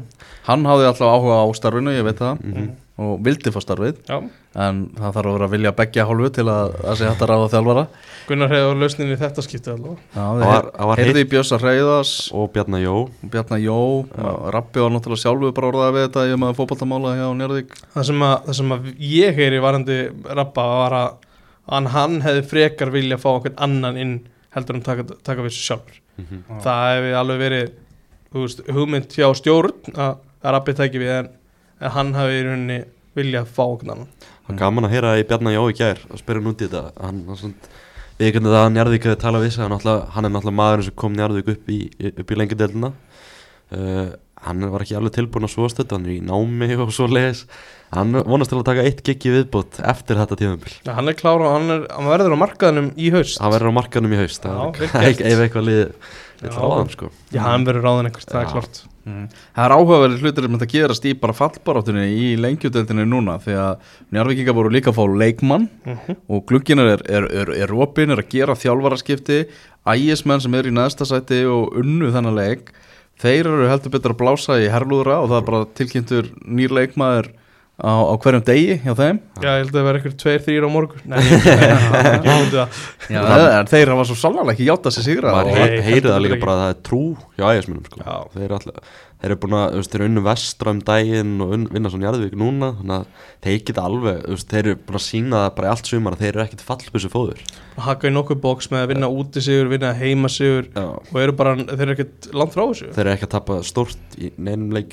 að Nei, og þú veist, horfa líka öruglega í það Selfoss er ekki að vinna sína leiki núna og Mhm. það er stutt í það. Og náttúrulega voru fréttir af ægi í gær Rói Tókits, samningi rift sko. Og það er ekki bara svona mutual Nei, ég hef decision ekki bara að segja samkomulega um riftun. Samkomulega um riftuna Já, fyrir tvennur sögum á því hvort þetta hafi verið að vilja á, á ósk leikmannsins eða félagsins eða hvað það var. Tókitt skoraði sigumark ægis á móti Njárvík á sunnudaginn. en það er bara, þú horfir á leiki hjá ægi hann er ekki leikmaður veist, sem þú vilt vera með í liði og allar að hlaupa mikið sko. byllandi gæði í honum en hann henda kannski ekki alveg bara leikstíl liðsins ef, að, ef að það á að gera eitthvað annað en að vera með eitt target mann uppi sko. Já, þú þarft að hlaupa þú þarft að hlaupa meira ef þú ætlar að vera með tókits í, þínu liði þegar hann hle, hleypur svo sannlega ekki fyrir liði sko. Nei, og, já, hann, er, hann er minna í því. Hann á svona flottan bens geggjaði gæði það? Er í næsta sæti með sjö stig Njárvík með átta, svo koma selfisingar með uh, tíu stig og þeir eru búin að tapa fjórum leikjum núna í röð. Spurning hvort Gary Martin reyna að sækja tókits heim. Já, hann er mjög hrifin af tókits sko. Gary Martin? Gary Martin sko. Hann, hann ég held þessu upp á sleimaður sko. Ég sé það samt ekki að gerast. Nei, Ég engar bara- líkur að því. bara að segja það. Annars hefði tókist bara verið áfram í Selfossi Ég heyrði það að, að það verið klásula í þessari riftun Mm. um að Tókits færi ekki í lengjudeldina Já. ok, ég get bara vel skilið það. Já, ægismenn hefur hef sett það í, í riftunina. Hann er eitthvað flottur í annað Já, getur verið mjög flottu þar. Flottur, hann getur bara verið bestur í deildinni sko. Já, ég, ég sá selfisinga tapa fyrir leikni 2-4 Ekkert Aron sem var spámaður umfram það gengur allt upp hjá Ekkert Aroni. Hann spáði þessum leikum með 2-4 og eðlilega það fór hann, fór hann Það er 2-4 rosalega því hafi verið að lesa spána og reynda Nei, nei, nei en uh, þetta var svona smá kaplaskiptu leiku selfisingar talsveit betri í upphafi setna áleiksins en þeir voru hróttalega lélegir bara stærstan hluta leiksins og þetta gengur ekki vel hjá selfisingum Nei, þetta er svona frekar súrt akkur núna eins og segir búin að tapa fjórun leikum í röð og þeir geta alveg eins fallið eins og Njarðvík og ægir sko. Já, ég meina, þeir eru í vestaskriði allra liða í deildinni. Já, og svo er svo er, veist, pakkin annar fyrir er- það er ekkert langt, ekkert langt frá þessu fallsvæði heldur sko. Mm. Þú veist, þróttarar hafa verið að koma óvart í sumar en þeir eru bara búin að segja eitt stíð síðustu þreim leikum og þeir geta alveg blanda sér eitthvað fallbarðu setni hlutan að þeir, ef þeir fara ekki að pikka upp eitthvað stíð sko.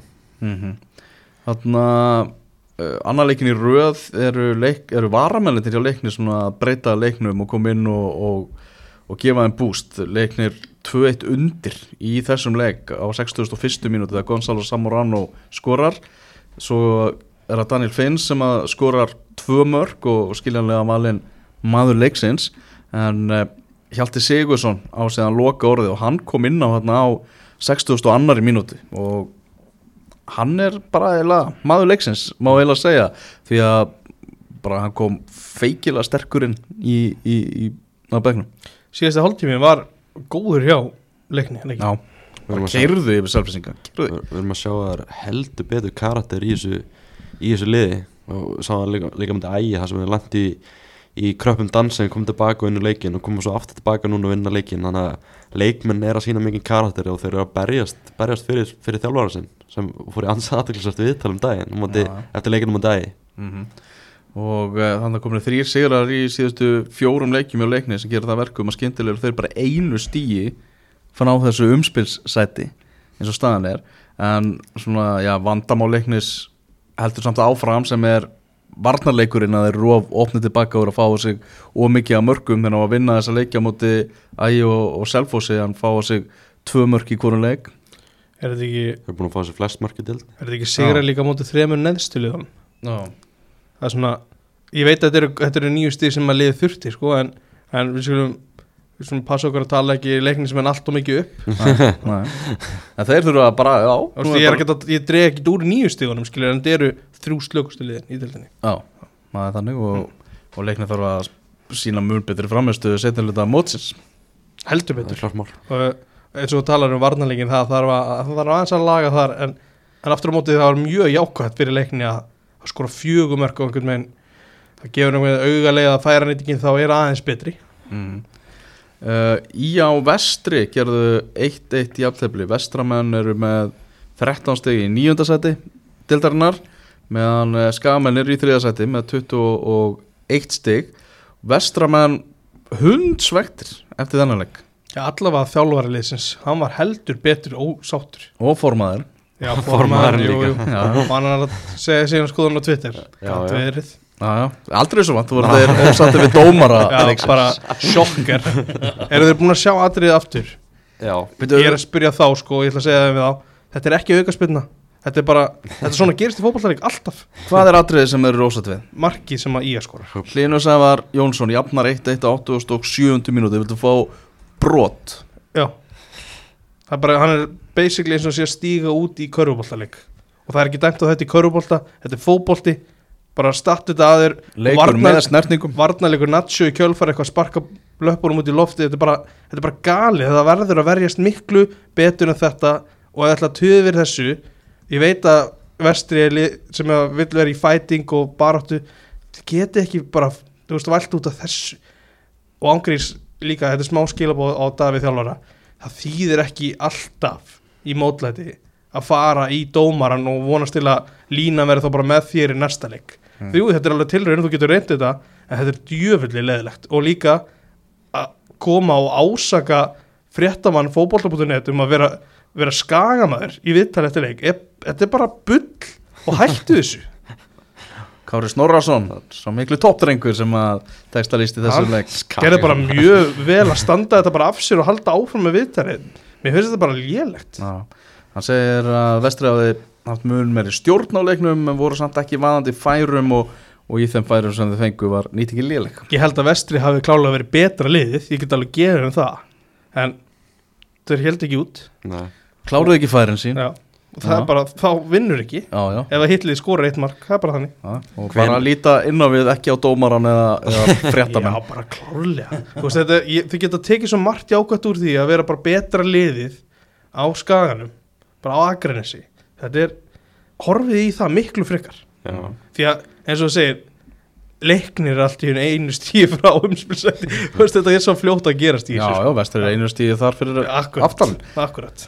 uh, Nóg no, til að spila um og, og Davís Mári er að horfa í kringu sig á markan En hvena verður no no með Samuel Samuelsson í þessu? Hvena þarf bara að loka þessum Twitter-agangi á hann Ég veit ekki, hann var alltaf að sekta yfir hérna. Var það ekki, það, var- það í byrjun móts. Já. En ég meina, þú veist, ég, er ekki, er ekki Ég er alls ekki að líka þessu við það En þetta bara, þetta væl er, er. Ég horfi á þetta bara sem væl. Þið getið horft á þetta öðru í einhverju aðri sem að hlusta á þetta. Ég bara fókusið á, á eitthvað annað sko, ángríns það meðist bara allt og mikið af þessu skilur þú veist, í, einhvern veginn þegar hann hefur eitthvað til síns máls þá einhvern veginn fer það í skuggan og því að þetta er bara Já. Eftir hvern einasta leik Þetta er svona úlfur úlfur sko. Uh, Skagamenn, síðuganga þeirra stöðuð en nú er bara staðan veist, í deildinu þannig að það er náttúrulega bara eitt lið sem er að fara upp og það er afturölding búið að stinga af. Hinliðir eru þjálfara þeirra eru bara að hugsa um það að halda velli og halda sjó og vera í úslitakefni Þú veist, leint og ljóst eru allir búin að játa, játa sér sigraða fyrir því að, að afturöldi klárar þetta bara. Já, Ég held að á, þetta er bara spurning um annan til fintasæti er, er, er, ég að, er ég að taka út út í árun hann? það finnst mér ekki Nei. því að bara horfðu á bara afturöldingu hversu samfærandi þeir er, eru. Og þeir eru líka bara með hörku lið. Að þeir fóru norður og í óvinnandi víi sko, og vinna þrjú eitt það, það eru margir sem að hugsa einhvern veginn að afturölding að, að liðið er að sé bara einhverjir svona krakkar úr Mósesbæ þetta er alls ekki Þetta er þannig. nefnilega ekki þannig. Nei, Og þetta, þetta er bara, þú veist, atunumenn Mhm. og, og, og reynsluboltar Það er klálega bara frábær samsetning og hóp það verður að gefa magga það Þetta er sko. bara best, langt besta liði þessari deild og þeir eru bara komnir upp.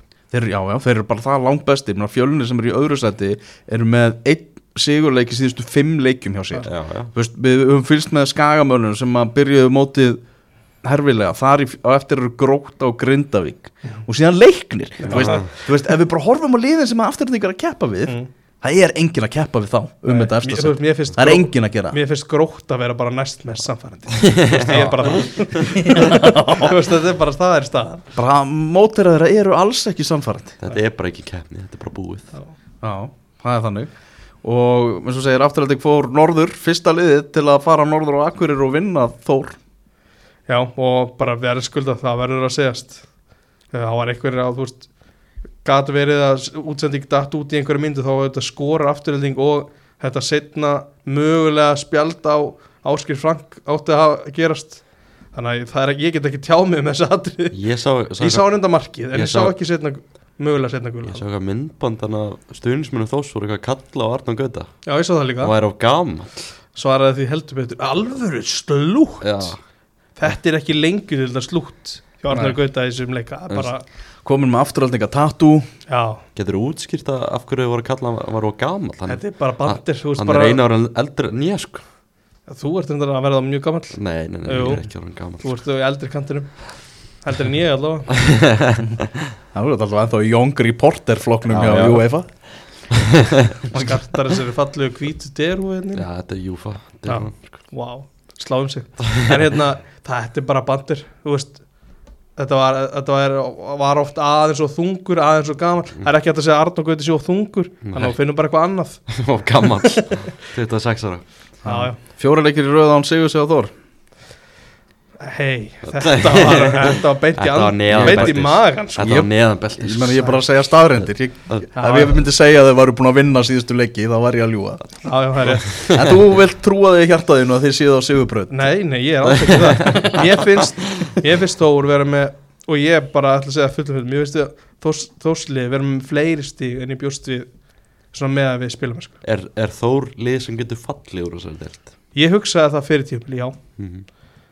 En ég, þú veist, og ég hef ekki ég hugsaði það en ég sagði það ekki af því að, þú veist, mér líð, mér hef alltaf svona, þegar ég mæti á völlin hef ég því líka trú á mínu lið, sko og þess, eins og ég sagði, ég settist í grindaði ekki, ekki sens að við leik skilur. ég hugsa, hugsa bara svona en þegar ég horfi bara í spilamennsku leysins út af velli þetta eru rispur þetta eru, þetta eru gæði inn á milli en þetta er samt of mikið eitthvað bara eitthvað Mhm. það er, þetta er ekki ég get ekki alveg séð bara hvað alltaf planið er og ég veit ekki alveg hvort að það eigi líka bara koma og þú veist bara lesa í hverja stöðu sem, sem er. Auðvitað á fótboltið að vera þannig og það eru margar leiðir út frá útfrangar þannig að mér finnst ég ekki sjá bara akkurat hvað planið á að vera í uppbyggingu og svo leið sko. Þróttur og fjölnir gerðu 2-2 jættefli aftur mætast þessi lið og, fjö, og fjölnir tapanuðu fóristu í lokin. Að líka í eigilsvöldinu upp á tímabils já, bara það sem ég tek út af þessu er stór, stór svona stór skemmtilegt, stór furðulegt viðtalið við Úlfarna því að hann var akkurat núl svektur að þeir held, heldur þetta ekki út. Þeir voru Á- 2-0 yfir í hálfleik Já. og fá á sig jöfnunumark Henrik Harðarsson með skorra á 90 annari hann sagði bara, ég var búin að býja eftir þessu allan setna áleik og hann, hann var ekki eins og hann hljómaði ekki eins og hann var hljómaði ekkert pyrrar út í markið heldur bara framistuðu leysins bara setna hálfleikurinn hafi bara og já, stær, st st stór hluti leiksins hafi bara verið reynilega mjög lélugur hjá sínu lið Gaman að sjá að sérfræðingurinn sjálfur Arnar Daði Arnarsson hann var með textalýsinguna á .net og segir í skýslu sinna að þraut segja vilji og segla þróttara hafi ráðið úslitum neituð að gefast upp á meðan að það hafi verið værukjærði í, í liði fjölnis ég heiti nú einn góðan þróttara sem sagði bara við erum bara á flugi. Við vorum reynda búin að tapa tveimurleikjum í röð áður en þeir náðu þessu jafntefli. Ég elska þess að bjart síni svo Já, þeir eru oft, oft bjarsinir þetta í lögatalnum ég er hrifin að þessu þróttarali mér finnst það mér finnst það vera skýr, skýrt plan hvað er í gangi þar sko. Þeir hafa komið mér bara mikið óvart. Ég sá að spila, veist, ég horfði á útstönguna þegar þeir spilaði í mútið Grindavík um daginn. Já, bara þú voru drullu góður í þeim leik þeir eru massífir sko. Já, það hefur enda verið ekki er verið eitt svakalega erfið Nei, erum við þá ekki að eitthvað meira um þennan leik að segja? Þróttu fjölnir, ég er svona, nei. Ég, þetta er náttúrulega auðvitað kemur þetta óvart en fjölnir eins og þú segir, eitt sigur síðustu fimm og aftur þetta ekki búið að segja bless bless sko. Já, Bless, Þró- bless. Þróttarar vildu Henrik Harðarsson í U19 lið upp, upp, upp á topp. En uh, flott að sjá hann skora hérna í, í þessum leik Já, ég skilða alveg að vilja það sko. Það, svona eftir að vantaði kannski strækjar í þetta lið sko. Það vantaði bara Orra Steinn Óskarsson í þetta Já, lið það er svona Það er það er aðeins annar prófít gefa orða það sko. Já, Heyrðu, það var náttúrulega mestu lætin voru að sjálfsögðu á uh, Seltjarnanesinu þar sem að gróta vinnur Grindavík 2-0 Tómas Jóhannesen skorar fyrramarkið á úr vítaspilnu og Hilmar Makk Sjén skorar síðan uh, í uppbótar tíma svonur Pól hans mikla sigurvegar og, og mestara uh, Tómas Jóhannesen ef við bara byrjum á, á þessum 16 ára strák sem var að klára grunnskóla og er einn allra efnilegasti fótboltamaður sem er að spila fótbolta á Íslandi í dag. Og hann er alltaf ekki að fara að mótmála þessum orðum. Ég er bara bestur í þessari deilt af mínu mati sagði hann í viðtali við Arnar Löfdal það væri skrítið að hann fara að mótmála sjálfsér en þetta er, þessi gæi er bara stór skemmtilegur og hann var eiginlega tilbúin að svara áður en að spurningarna voru klárar. Hann, vild, hann var bara fastur á þessu skoður, hann er við líka trú á sjálfu sér og hann er líka trullu góður í Já, fótbolta sko. Þetta er, þetta er nýju til þetta var Ég veit að gaman að hann Þetta er eðlilega, ske- eðlilega skemmtilegt viðtal og, og gaman að horfa á hann inn á vell Það er nefnilega aðalatri auðvitað í þessu. Ef þið eru ekki búin að horfa á þetta viðtala bara mælu heiklus með að kíkja á það. Hann er að fara á útvantala eftir þetta tímabil.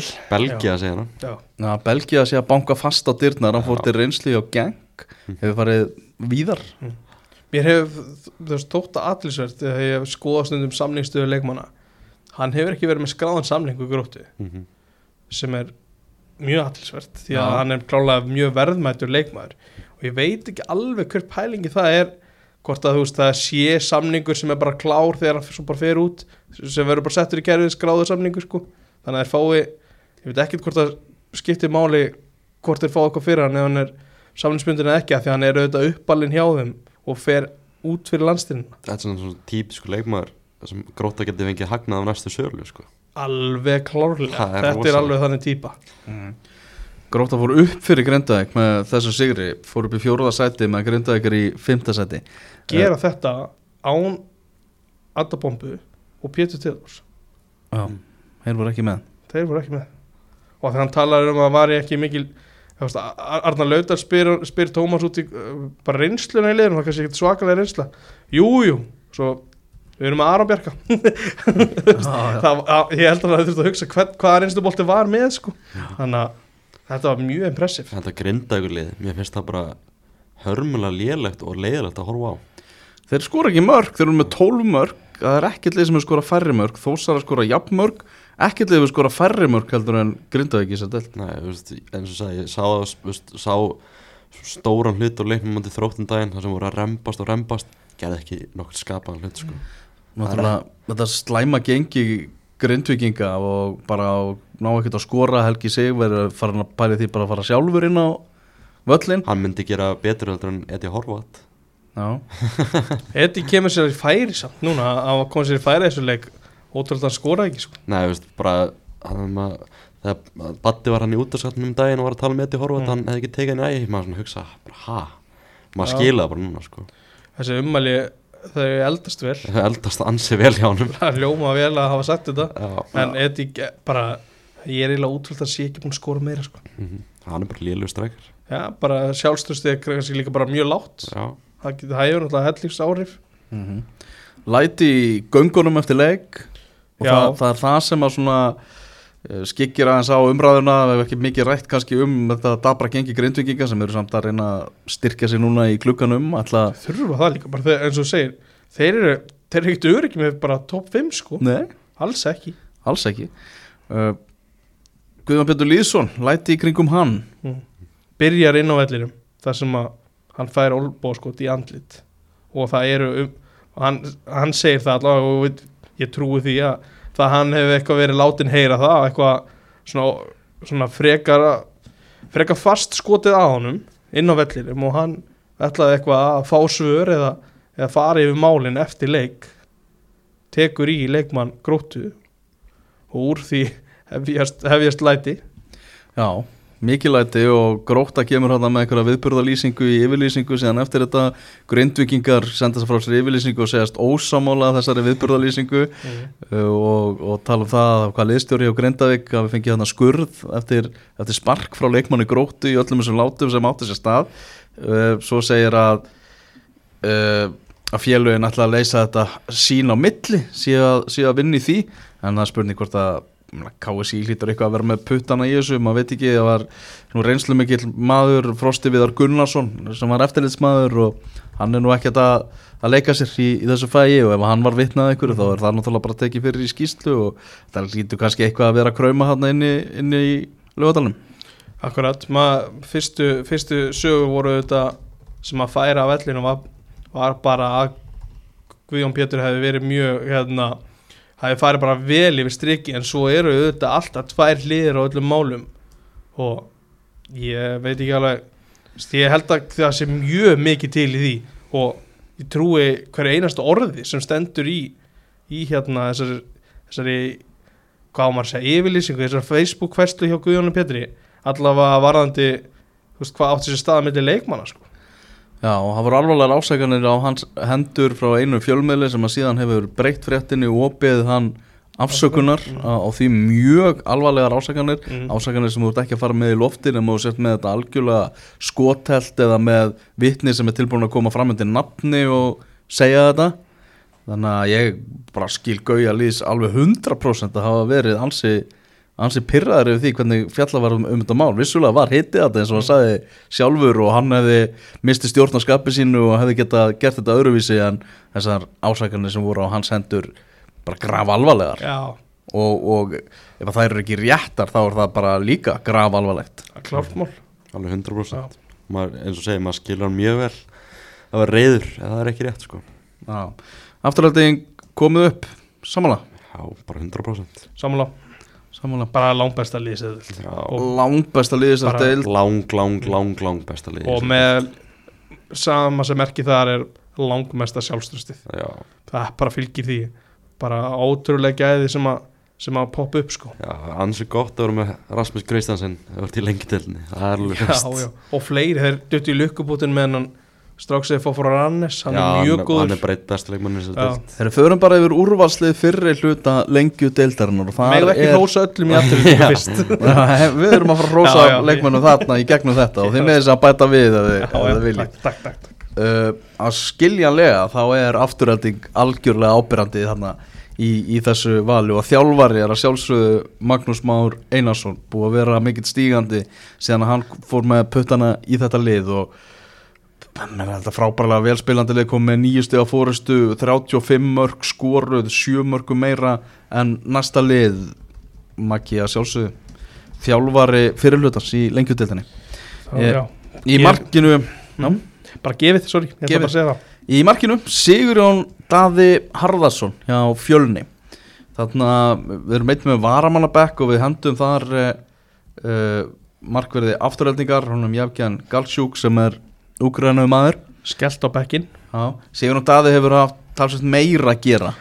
Já, ég myndi segja það og hann hefur verið þetta er bara, já, hann hefur verið bara heilt yfir frábær í, í sumar sko. Já, frábær ungur markmaður á var ferð. ekki bara var ekki bara brasa þarna þróttarleiknum Já, í eiginsöldinni já, var það ekki eitthvað? Það var, Fekk þessi markur hotni já, já, Já, en annars verið bara mjög góður sko. var hann ekki að klára rafvirkjan? Var það ekki, það var eitthvað annað. Pípari, hann er pípari, já, já, hann er pípari. það er geðveikt. Já, það er geggja Eru í fjögur manna vartalínu eru þrýr leikmenn úr afturhaldningu Það eru bakverðinir Georg Bjarnason og Aron Eli Sævarsson sem eru búin að vera frábærir. Svo er einnig hafsendin Gunnar Bergmann Sigmarsson sem er búin að vera kannski óvænt bara, bara besti miðvörðu deildarinnar. Já, búin að vera virkilega flottur Já, og, hans við, uh, og við hans hlið er hans Viktor Guðmundsson.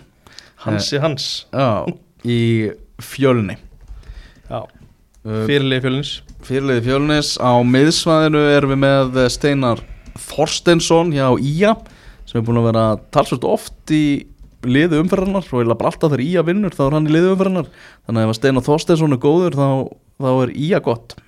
Það er sama sem merkið þar, klárt. uh, með honum á miðjunni Oliver Bjerrum Jensen þessi ungi Dani sem að afturhelding fekk til sín. Gæða Dani frábær leikmaður. Bara hvernig gróðu hennar gæði upp sko. einhvern veginn, að, að bara fá þessa sendingu er er bara himna sending sko. og að sjálfsögðu Tómas Jóhannesson besti leikmaður deildarinnar að eigin mati. Sjálfsögðar hann í liðinu. Að sjálfsögðu hann í þessu liði.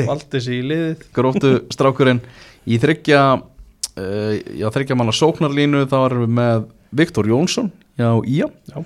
sem að elskar að skora sérstaklega í lengjudeldinni Mhm. Elmar Kári Kokits hjá afturöldingu sá hefur sprungið út Já, hann er búin Já. að geða ykkur bullandi, talandi já. Já. bullandi Hann Já. er sonur Kraumar. aðstofnar hans Einar Kokic já Mm. hann svona sérstaklega já í síðustu umferðum sprungið svakalega mikið út sko. já, Maður- bara ma- sá er að svífa um á bleiku maður skíu horfir þú veist, á þetta afturlengulega og maður hugsaður að margir af þessum leikmunum tilbúin að taka stökki upp í bestöðuna Mm. sem Aron Eli Sævarsson sem var tilbúin fyrir svona tveimur árum sko. já, já, Mhm. ertu með fleiri? já, þú veist, þú veist með Rasmus Kristjansen taka stokki upp, annar taka stokki niður Já, skrifið niður tekur, tekur stökki aftur upp þú, ert með Kokic, þú ert með Mm. Arnó Gauta þú ert með danska miðjumann og heldur honum hann er geðið ykkur sko ég haldi honum alltaf aldrei, já, er það? jú, jú geta örgulega haldið honum ef hann vill vera í Íslandi þá kannski verður hann áfram Jú. Já. hver vil ekki spila makkiból í efstöðel ég, svo er það auðvitað í þessari st- líka stemningu sem er í Mósusbænum já, kannski meira líka bara hvort að félagi leif honum aftur sko. já, já, Já. það- en s- við, þú ætlum að nefna hver er síðastur í liðinu, varstu búin að segja það? Já, síðastur í, bara fremstur í liðinu er leikmaður fyrir hlutan sem er fremstur bara í flokki. Fremstur í flokki, besti leikmaður lengjudeildarinnar til þessa að mati fótbolta.net markaðasti leikmaður deildarinnar með rúmlega marka meðaltal og hverjum 90 mínútum spiluðum. Hann er með 11 mörg, hann heitir Arnór Gauti Ragnarsson.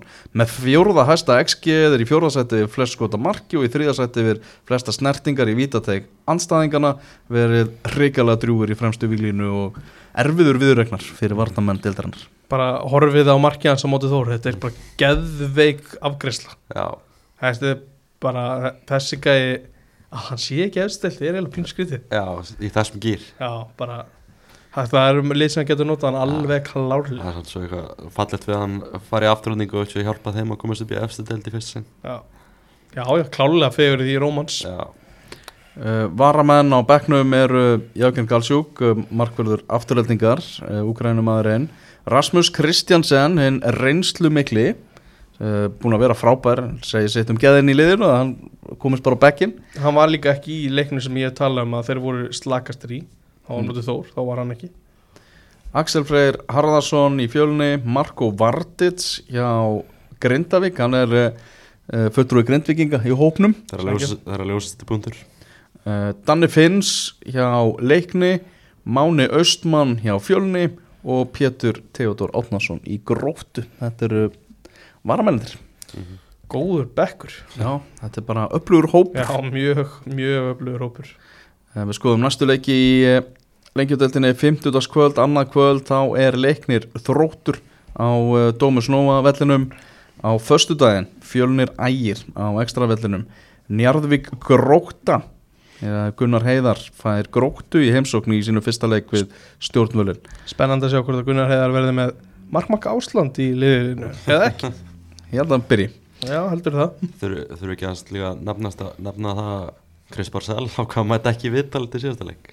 Jú, Jú, herru, við ætlum að nefna tvent með þetta gróttu. Já. Fyrst Brasel Við ætlum eitthvað að vinna í því að laga það. Hann komi bara í viðtöl. Já, Og svo verðum við að nefna aðstöðuna hjá gróttu Fyrir fjölmjöla aðstöðuna. Já ég segja það að við nefnum hann bara í hverju einasta engasti það til að la laga þetta. Já, Það er bara ekki bóðulegt að þetta lið sem er búið að festa sig í sessi þessari deild og með þess að kíkt upp í efstu deild já, sé með svona umurlega mál. Þetta gerir mönnum bara geriðlega erfitt að fjalla um leikina þeirra Já og þá gerur okkur bara erfitt að manna leikina því að bara flestir sem fara þarna einu sinni vilja ekki fara þarna aftur Algjörlega, að- að það er staðan.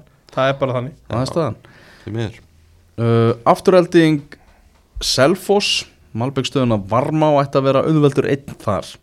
Uh, Grindavík mætir Ía. Það er áhugaverður leikur Heldur betur á hóður leikur. wow. og síðan á lögadaginn þá eru þínum menn stænka í Þór að fara að heimsækja vestra Já, það verður líka mjög áhugavert. Já, nóga fótbolta framundan, minnum á útastáttin fótbolta.net sem verður á lögadaginn, innkasti vikunar er lokið, verið þessar